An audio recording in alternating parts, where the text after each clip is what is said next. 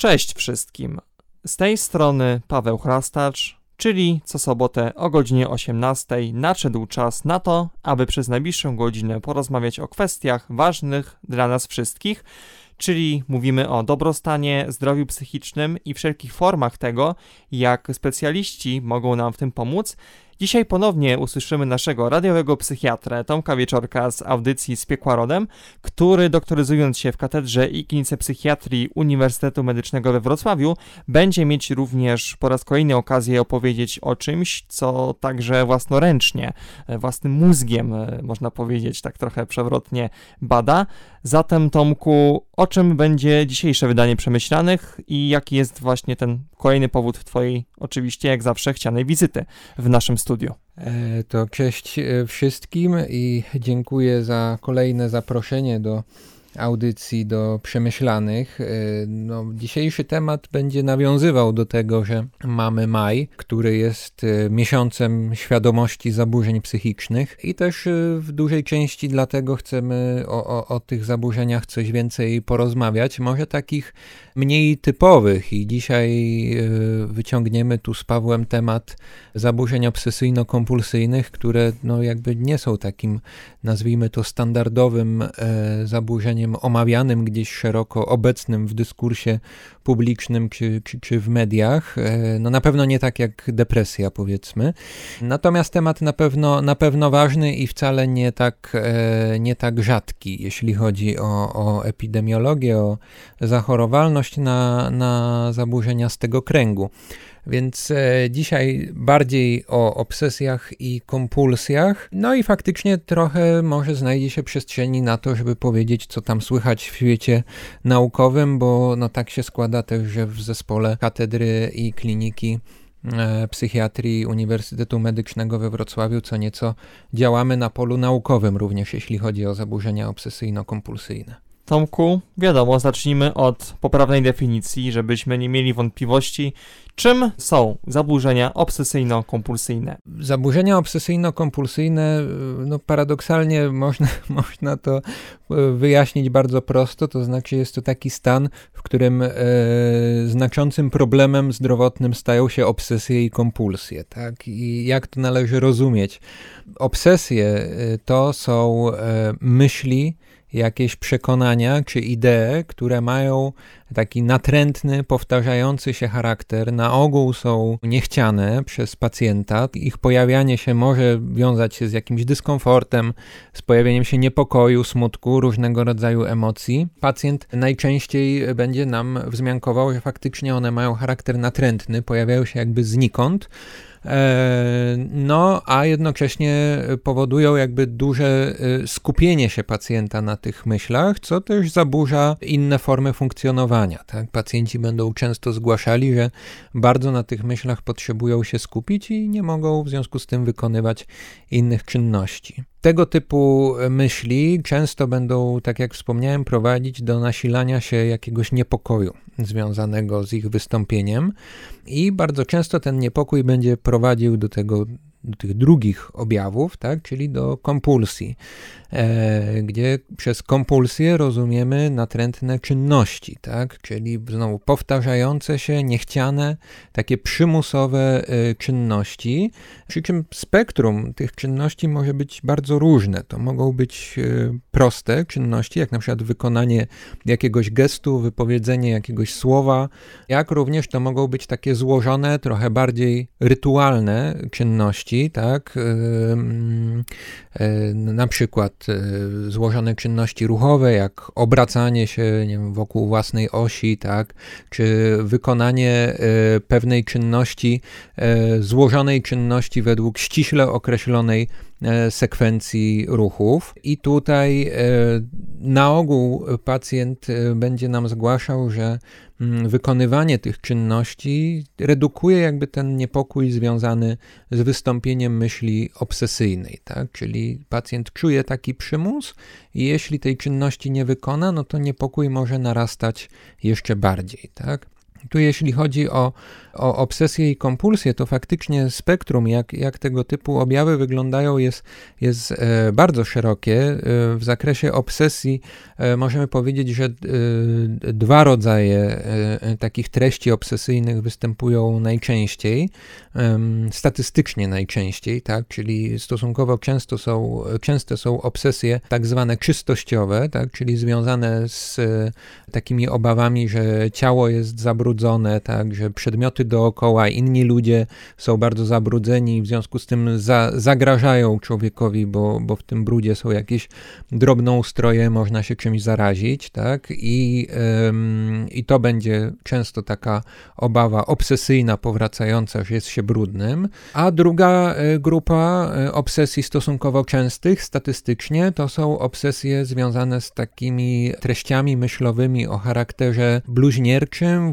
wulgarnym, często religijnym, które również będą, e, no, będą powodowały u pacjentów znaczący dyskomfort. Też statystycznie dość e, częsta grupa takich obsesji występujących. W zaburzeniu obsesyjno-kompulsyjnym też jakby widzimy często takie towarzyszące objawy. One nie muszą występować, ale często się pojawiają, jak na przykład bardzo częste wątpliwości tak, wątpliwości związane z wykonywaniem nawet najprostszych czynności. Tak? Pacjent czuje e, duże wątpliwości, czy je wykonuje właściwie, a jeżeli na przykład ma podjąć jakąś decyzję, podjąć jakiś wybór, akurat jest w sklepie i ma wybrać towar, który chce kupić, i bardzo często takie bardzo proste decyzje są trudne do podjęcia, pacjent musi je wielokrotnie analizować, przemyśleć i to też e, często pacjenci będą nam zgłaszać.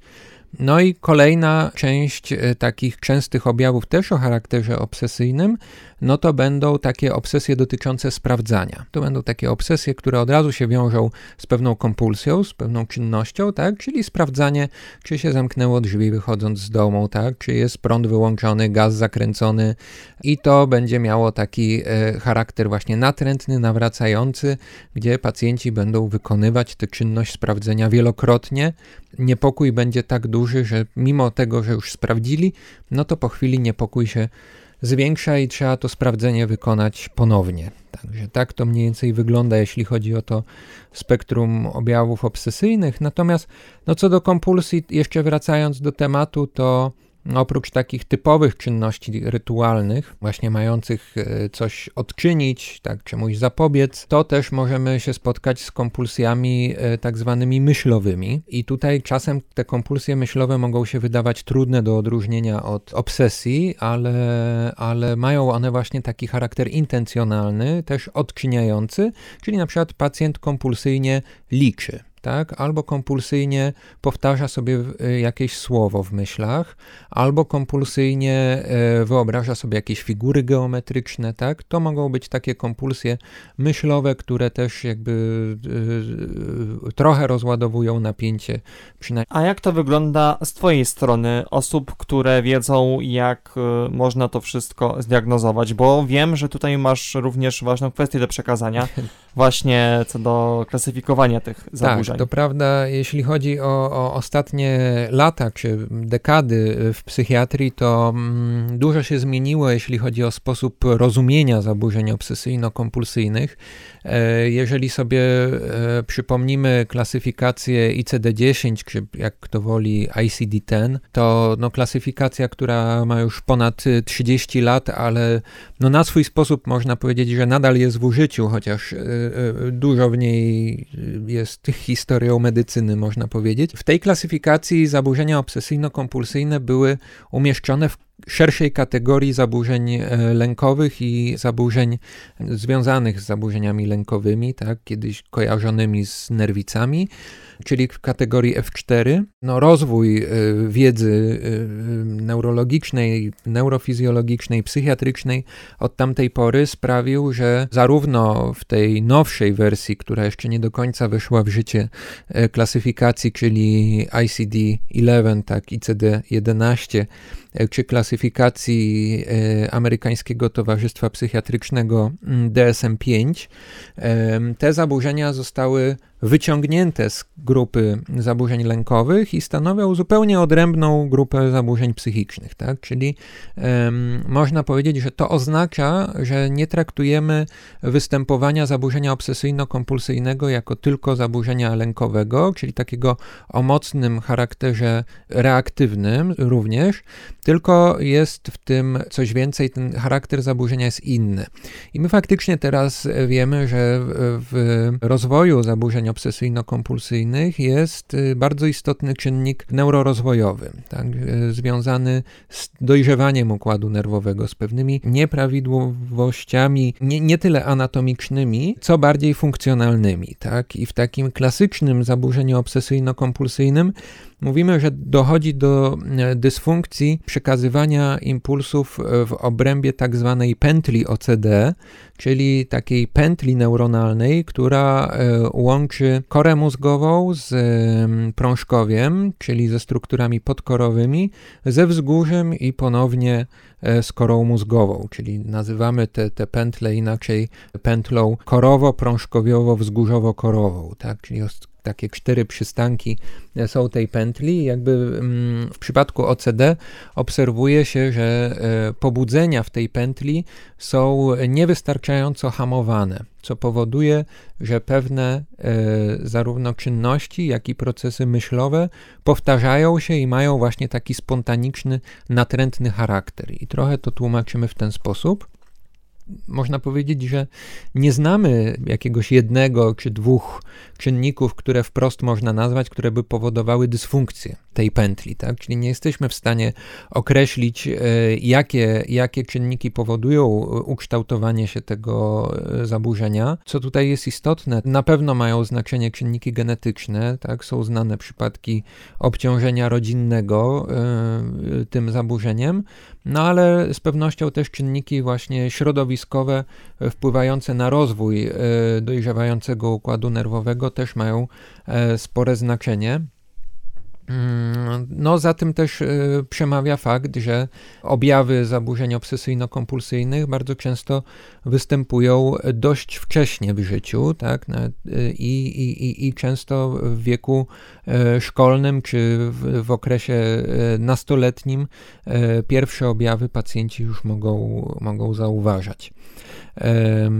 Wracając jeszcze właśnie do, do, do klasyfikacji Twojego pytania, no to teraz to rozumienie, kiedy się zmieniło, zatem poszła też trochę zmiana w sensie e, klasyfikowania zaburzeń obsesyjno-kompulsyjnych, bo oprócz takiego tradycyjnego zaburzenia, które opisałem, charakteryzującego się występowaniem właśnie e, obsesji i kompulsji, e, mamy jakby w tym worku mm, zaburzeń obsesyjno-kompulsyjnych i pokrewnych kilka innych zaburzeń, które takiego typowego charakteru nie mają, ale jakby mm, uważamy je za zaburzenia na swój sposób podobne, tak? I to, to, to jest jakby szersza kategoria e, diagnostyczna. Takim zaburzeniem na przykład może być coś takiego, co z angielskiego nazywamy body dysmorphic disorder, czyli cielesne zaburzenie e, dysmorficzne, tak? Czyli na przykład charakteryzujące się tym, że dana osoba jest nadmiernie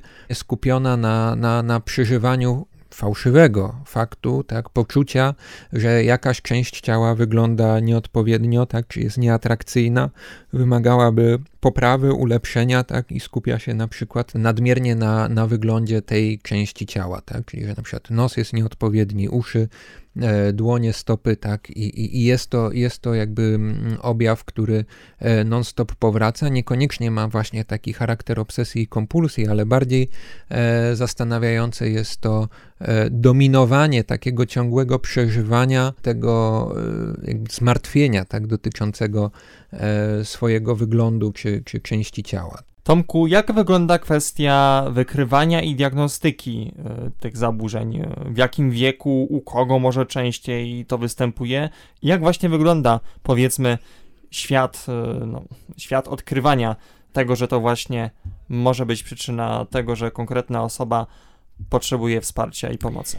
W związku z tym, że teraz rozumiemy zaburzenia obsesyjno-kompulsyjne jako zaburzenia neurorozwojowe, to też to, co często jest obserwowane w przebiegu zaburzeń, to jest to, że one niestety, jeśli są nieleczone, to postępują. Objawy zaczynają być coraz bardziej intensywne, czyli co przede wszystkim w pierwszej kolejności pacjenci zauważają w ten sposób, że te natręctwa, natrętne myśli, natrętne czynności zaczynają trwać coraz dłużej i zaczynają pochłaniać coraz więcej czasu w ciągu dnia i pacjent spędza bardzo dużo czasu na wykonywaniu tych natrętnych czynności czy analizowaniu swoich natrętnych myśli, a jednocześnie ma coraz mniej czasu w ciągu doby na inne czynności i swoje zajęcia, tak?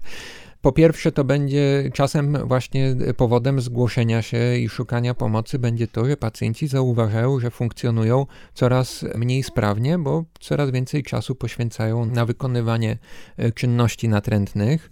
Co do tego, e, kiedy te objawy występują, tak jak wspomniałem, e, często zdarzają się sytuacje, że one już pojawiają się w wieku szkolnym, w wieku nastoletnim. Często jest tak, że na tym etapie takie zaburzenie jeszcze nie jest diagnozowane bo na przykład te objawy mają lekki charakter, nie powodują jakichś dużych zaburzeń funkcjonowania, Czasem jest to jakby tłumaczone przez, przez no mniej przez pacjenta, może bardziej przez rodziców, którzy to widzą, tak, czy nauczycieli, że jest to jakiś, jakaś, jakaś cecha charakteru, tak, że ktoś jest bardziej dokładny, czy powtarza, czy skrupulatnie robi zadania domowe, zanim po jakimś czasie się okaże, że to jednak jest początek zaburzeń obsesyjno-kompulsyjnych. I w praktyce faktycznie często, jak się pojawiają pacjenci, którzy zgłaszają się pierwszy raz do psychiatry z podejrzeniem, że może mają zaburzenie obsesyjno-kompulsyjne, to jak pogłębimy ten wywiad, to okaże się często, że już właśnie takie pierwsze symptomy były obecne gdzieś w wieku, wieku szkolnym. Tutaj, co, co jeszcze raz podkreślam,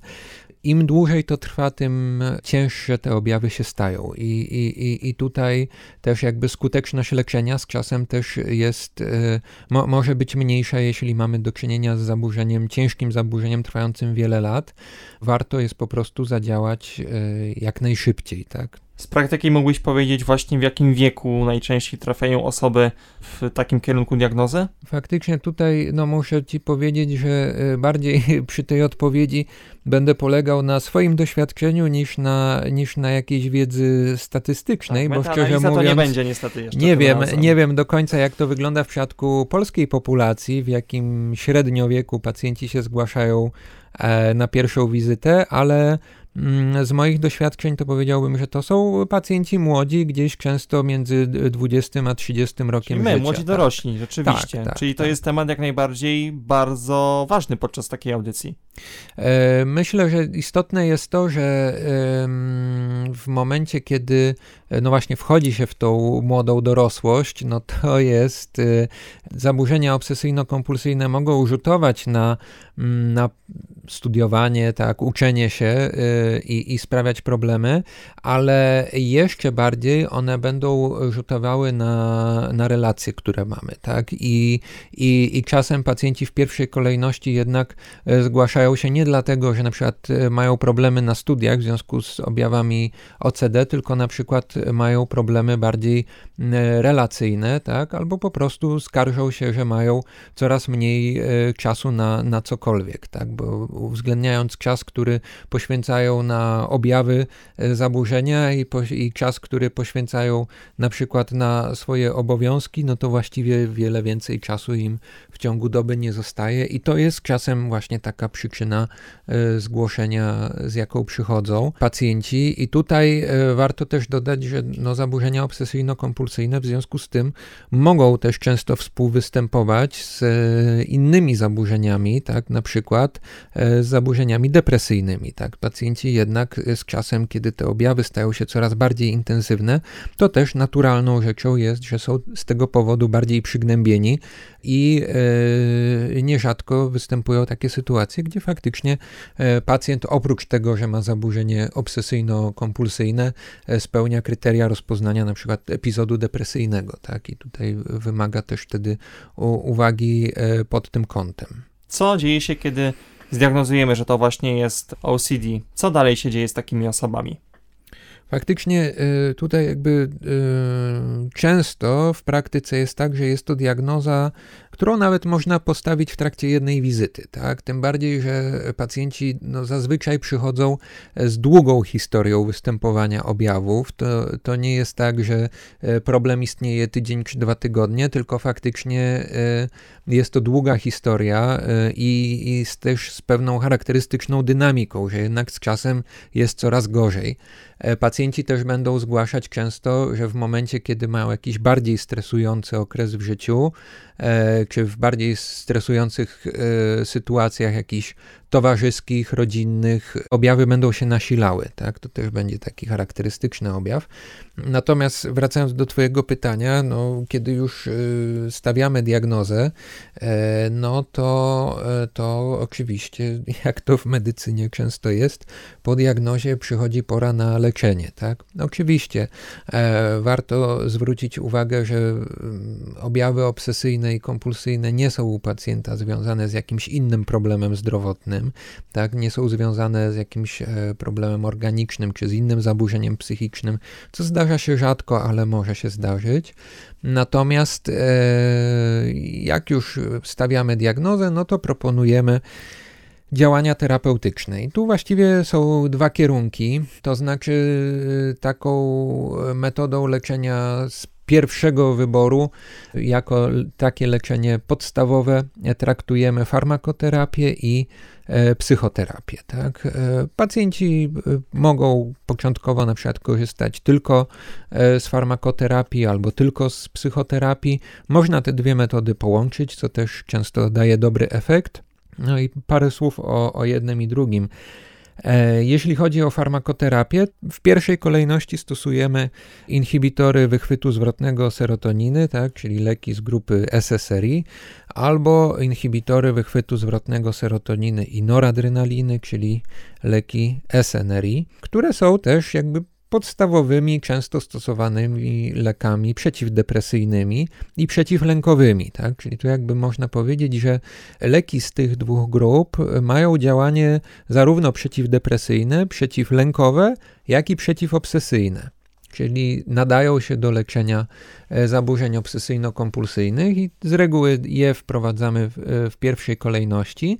Przy czym, e, jeśli chodzi o zaburzenia obsesyjno-kompulsyjne, to trzeba pamiętać o dwóch rzeczach, mianowicie po pierwsze, działanie tych leków często pojawia się dużo później niż działanie przeciwdepresyjne czy przeciwlękowe, czyli po prostu potrzeba dłuższego okresu stosowania leku, żeby zobaczyć, że ten lek działa. Jak i druga sprawa jest taka, że leki z reguły wymagają stosowania wyższych dawek niż w przypadku le leczenia e, depresji czy zaburzeń lękowych. Więc tu trzeba większych dawek i dłuższego okresu, żeby e, widzieć różnicę. Jeśli chodzi e, o psychoterapię, to z reguły zaleca się, żeby e, w przypadku zaburzeń obsesyjno-kompulsyjnych taką metodą terapeutyczną z wyboru e, była terapia poznawczo-behawioralna. Ma odpowiednie protokoły, tak, są dobrze sprawdzone i zalecane protokoły terapii poznawczo-behawioralnej, często takie składające się skupiające się na prowadzeniu intensywniejszej terapii przez 16 sesji, później ona może mieć charakter taki bardziej kontrolny. Terapia wtedy sprowadza się do tego, że pacjent nauczył się rozpoznawać, co, co właściwie u niego w jego myśleniu i w jego zachowaniu jest obsesją i kompulsją, tak? czyli jakoś próbujemy określić, co jest y, tym natręctwem. No a po drugie, terapia ma na celu y, nauczenie kontrolowania tych objawów, tak? czyli na przykład y, tego, żeby pacjent w momencie, kiedy pojawia się jakaś treść obsesyjna, myśl obsesyjna, nie angażował się jakby w myślenie na ten temat, tak? czyli żeby jego procesy psychiczne nie skupiały się na tej myśli, tylko żeby pacjent ją mógł jakby odrzucić, zignorować bez narastania jakiegoś napięcia wtórnie do tego. Podobnie z natręctwami, tak? Pacjent powoli uczy się tego, żeby pewnych czynności natrętnych nie wykonywać i terapia ma się skupić na tym, żeby to niewykonywanie danej czynności nie powodowało dalszego zwiększania się napięcia czy innych emocji. E, I to zazwyczaj są takie e, metody działania w pierwszej kolejności, tak, czyli ta farmakoterapia i psychoterapia poznawczo-behawioralna. W momencie, kiedy pacjent na przykład stosuje tylko jedną z tych metod i nie ma zadowalających efektów leczenia, no to dołącza się drugą metodę, tak? No i to, to jest takie podstawowe postępowanie. Wiemy już, jak to wygląda z szerszego punktu widzenia, ale oczywiście nas bardzo interesuje, co się dzieje na naszym Uniwersytecie Medycznym we Wrocławiu, więc powiedz nam, co tutaj, także badawczo, staramy się zbadać, sprawdzić i co tutaj właśnie porabiacie. Tutaj można powiedzieć, że e, oferta Uniwersytetu Medycznego dotyczy właśnie kwestii, a co jeśli to leczenie, o którym powiedziałem, nie działa. W pierwszej kolejności, oczywiście, jeżeli u pacjentów nie widzimy poprawy albo jest ona e, niewielka, no to zastanawiamy się, jakie zmiany w farmakoterapii można wprowadzić. Tak? Jedną z opcji jest dołączenie jakiegoś e, leku o działaniu na przykład przeciwpsychotycznym do leków przeciwobsesyjnych i to może dać dobry efekt. Pewnym działaniem może być e, zmiana leku na klomipraminy, czyli na lek trójpierścieniowy przeciwdepresyjny, taki starszy lek, który moglibyśmy powiedzieć jest mocniejszy, ale jednocześnie często słabiej tolerowany, więc nie jest lekiem pierwszego wyboru. I mimo tego, że są e, takie opcje, tak, e, jeszcze zmiany tej farmakoterapii, to e, statystycznie około 10% pacjentów na te metody leczenia jest oporne. Tak? I to, co robimy u nas w katedrze, to jest właśnie zastanowienie się, jak pomóc tym 10%, co możemy zrobić dalej. Mm, no i tutaj mamy dwa programy e, takie badawcze, naukowe, realizowane e, cały czas w naszej katedrze. Pierwszy program dotyczy zastosowania przezczaszkowej stymulacji magnetycznej, czyli oddziaływania polem magnetycznym na neurony, na korę mózgu, właśnie po to, żeby y, poprawić działanie farmakoterapii i psychoterapii, czyli bardzo często dołączamy jakby tę stymulację magnetyczną jako trzecią metodę leczenia u danego pacjenta. Tak? I tutaj pacjenci, którzy mają e, częściowy albo słaby e, efekt po farmakoterapii, dalej przyjmują leki, ale jednocześnie dołączenie tej stymulacji magnetycznej może znacznie poprawić efekty tego leczenia. I mamy taki program obecnie, gdzie kwalifikujemy pacjentów właśnie z zaburzeniami obsesyjno-kompulsyjnymi, którzy głównie takich, którzy nie osiągnęli satysfakcjonującej poprawy po farmakoterapii czy psychoterapii.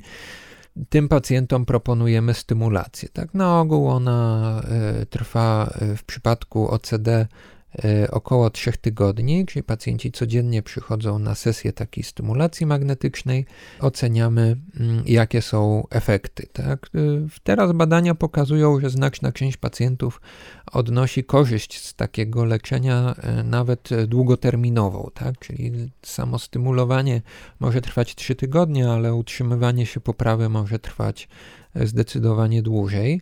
Mm, też jakby nasze badania są kontrolowane tak, w ten sposób, że no, jak to często w badaniach klinicznych e, pacjenci mogą mieć też e, stymulację nieaktywną, tak, czyli taką, e, żeby sprawdzić, czy, czy nie ma jakiegoś efektu placebo w trakcie leczenia tą metodą, ale tu od razu mówię o tym, że nasze badania są skonstruowane jako badania crossover, czyli jeśli, e, jeśli pacjent w pierwszej kolejności podszedł do naszego programu i otrzymał e, stymulację nieaktywną, o czym nie wie oczywiście na początku, jest zaślepiony, to e, jeśli po okresie obserwacji trzymiesięcznym nadal spełnia kryteria udziału w naszym programie, to wtedy wchodzi do drugiego ramienia badania i dostanie stymulację aktywną, więc tutaj jakby nie ma się co obawiać tego, że pacjent nie dostanie e, leczenia, bo dostanie tylko najwyżej trochę później. Tak? No takie mamy zasady naszego programu badawczego.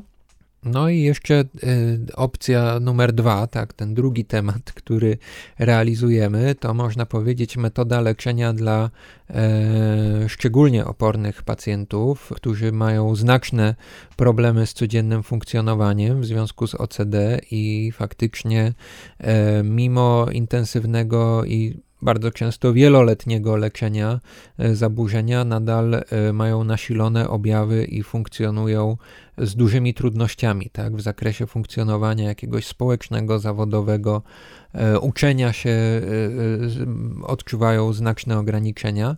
Mowa tutaj o metodzie już metodzie inwazyjnej tak naprawdę leczenia, czyli o głębokiej stymulacji mózgu, tak? Czyli jest to projekt, który realizujemy e, wspólnie z katedrą i kliniką neurochirurgii naszej uczelni i polega to leczenie na implantacji elektrod e, w głębsze struktury mózgu niż te dostępne do stymulacji magnetycznej. I razem z tymi elektrodami implantowany jest również stymulator, tak? taki trochę jak stymulator do serca. On jest implantowany w okolice obojczyka. Pacjenci są stymulowani prądem elektrycznym o ustalonych parametrach, właśnie po to, żeby przerwać te patologiczne pobudzenia, o których powiedziałem na początku audycji, tak, te pobudzenia w obrębie pętli e, korowo-prążkowiowo-wzgórzowo-korowej. E, jeśli zadziałamy w odpowiednim miejscu e, elektrodą i prądem, czy polem elektrycznym właściwie o określonych parametrach, to będziemy mogli doprowadzić do jakby przerwania tej nadmiernej stymulacji krążącej po, po tej pętli i to daje faktycznie, no nie ma co ukrywać, e, często bardzo dobre efekty leczenia e, pacjentów, u których no tak naprawdę e, wszystkie inne metody leczenia nie zadziałały, bo takich pacjentów kwalifikujemy do projektu. Tak? Czyli to są pacjenci z wieloletnim wywiadem chorowania, u których żadne metody leczenia no nie przyniosły jakichś trwałych i dużych korzyści i y, my mamy, y, my oferujemy po prostu udział w takim y, programie, gdzie, gdzie pacjenci mogą mieć taki stymulator implantowany i, i pozostają z nami w stałym kontakcie, są na stałe monitorowani i faktycznie już ten program realizujemy, no właściwie wychodzi, jak tak sobie przypomnę, no to 5 lat, tak, 5 lat i naprawdę E, mamy no, zadowalające efekty tego, tego leczenia i, i pacjenci ciężko, z ciężkimi objawami i, i, i, trudnym funkcjonowaniem codziennym e, naprawdę bardzo dużo skorzystali z tego leczenia. Oczywiście, jako Radio Luz i ja trzymamy kciuki, żeby te wszystkie badania dały jak najwięcej dobrego i pomogły jak największej liczbie osób. I myślę, że podsumowaniem dzisiejszej rozmowy mogłoby być jeszcze wrócenie do tego, czego zacząłeś właśnie dzisiejszą e, pogadankę, czyli od tego, że w maju mamy miesiąc świadomości na temat zaburzeń psychicznych. To czy chciałbyś jeszcze tutaj coś nam wszystkim e, ważnego przekazać. Na pewno, to znaczy tak jak za każdym razem mówię o tym, żeby e, nie bać się psychiatrów, tak i, i nie bać się wizyt u, u, u lekarza. E, po to jesteśmy, żeby pomagać i e, również no, tym razem wyjątkowo, jeśli chodzi o, o, o tematykę zaburzeń obsesyjno-kompulsyjnych, no tutaj wydaje mi się, że w zakresie świadomości, tak, e, no jest to, jest to zaburzenie, które gdzieś funkcjonuje i nie jest może tak częstym e, obszarem przykład stygmatyzacji społecznej, tak, jak niektóre inne zaburzenia psychiczne, ale, e, ale wydaje mi się, że często e, może jednak być powodem do autostygmatyzacji, tak? Czyli pacjenci e, wtórnie jakby do, do tego zaburzenia rozwijają jakąś niską samoocenę, czują się gorsi albo czują się dziwni, tak? Czy odszczepieni i, yy, i wcale nie przekłada się to na to, że w związku z tym szukają pomocy. Tak? Także tutaj e, warto zwrócić uwagę na to, że, że można z pomocy jak najbardziej korzystać i, i, i mało tego, wydaje mi się, że to bardzo takie akurat jest e, pocieszające w zakresie e, leczenia zaburzeń obsesyjno-kompulsyjnych, że te obecnie stosowane metody farmakologiczne, psychoterapeutyczne są naprawdę bardzo, bardzo skuteczne. Tak? I to i, i, i efekty leczenia są naprawdę bardzo dobre, jeśli chodzi o zaburzenia obsesyjno-kompulsyjne, więc naprawdę jeżeli sami podejrzewacie, że możecie mieć taki problem, a no jako radio akademickie to wiem, że populacja studentów to jest populacja, gdzie e, jak najbardziej zaburzenia obsesyjno-kompulsyjne występują, albo podejrzewacie, że może ktoś z waszych bliskich czy z osób w waszym otoczeniu może mieć taki problem, no to chyba właśnie w tym miesiącu świadomości zaburzeń psychicznych warto szczególną na, szczególnie na to uwagę zwrócić, żeby mm, e, skorzystać z e, fachowej pomocy, no bo tym się na co dzień zajmujemy i, i od tego jesteśmy. Także nieważne o co chodzi, każdą osobę po prostu potraktujecie indywidualnie i nie ma takiej sytuacji, że można przyjść z czymś, co jest dla was nieważne czy też nieistotne, bo każda osoba i każda historia jest e, jednakowo cenna, no i dlatego też chcecie pomóc po prostu wszystkim. Tak, to wydaje mi się, że poruszyłeś dosyć ważny temat e, tego, co w ogóle jest ważne w, we współczesnej psychiatrii i może odróżniać obecną psychiatrię od, od takiej e, no niekoniecznie dobrze postrzeganej psychiatrii Albo takiej za lat. naszych rodziców jeszcze na przykład. Tak, e, różnica między innymi polega na tym, że e, faktycznie myślenie o pacjencie jest bardzo, bardzo spersonalizowane, tak? czyli zastanawia nas nie tylko sam fakt występowania jakiegoś objawu, objawu, ale jeszcze bardzo ważnym elementem jest to, e, co ten objaw dla pacjenta oznacza i jak on jakby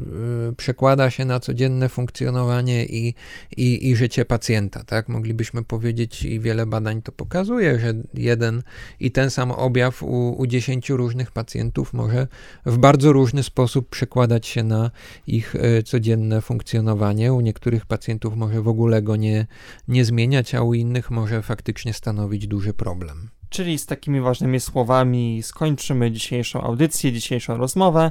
I oczywiście z Tomkiem wspólnie zapraszamy do tego, aby być na bieżąco z przemyślanymi, i my też jeszcze na pewno nie raz tutaj będziemy mieli okazję się spotkać. I też na to liczę, jak zwykle, e, tak jako dyżurny psychiatra Radia Luz, z przyjemnością. Tak, więc życzymy wszystkim przede wszystkim, aż się zrymowało, zdrowia psychicznego i właśnie w maju miesiącu, który o tym powinien mówić.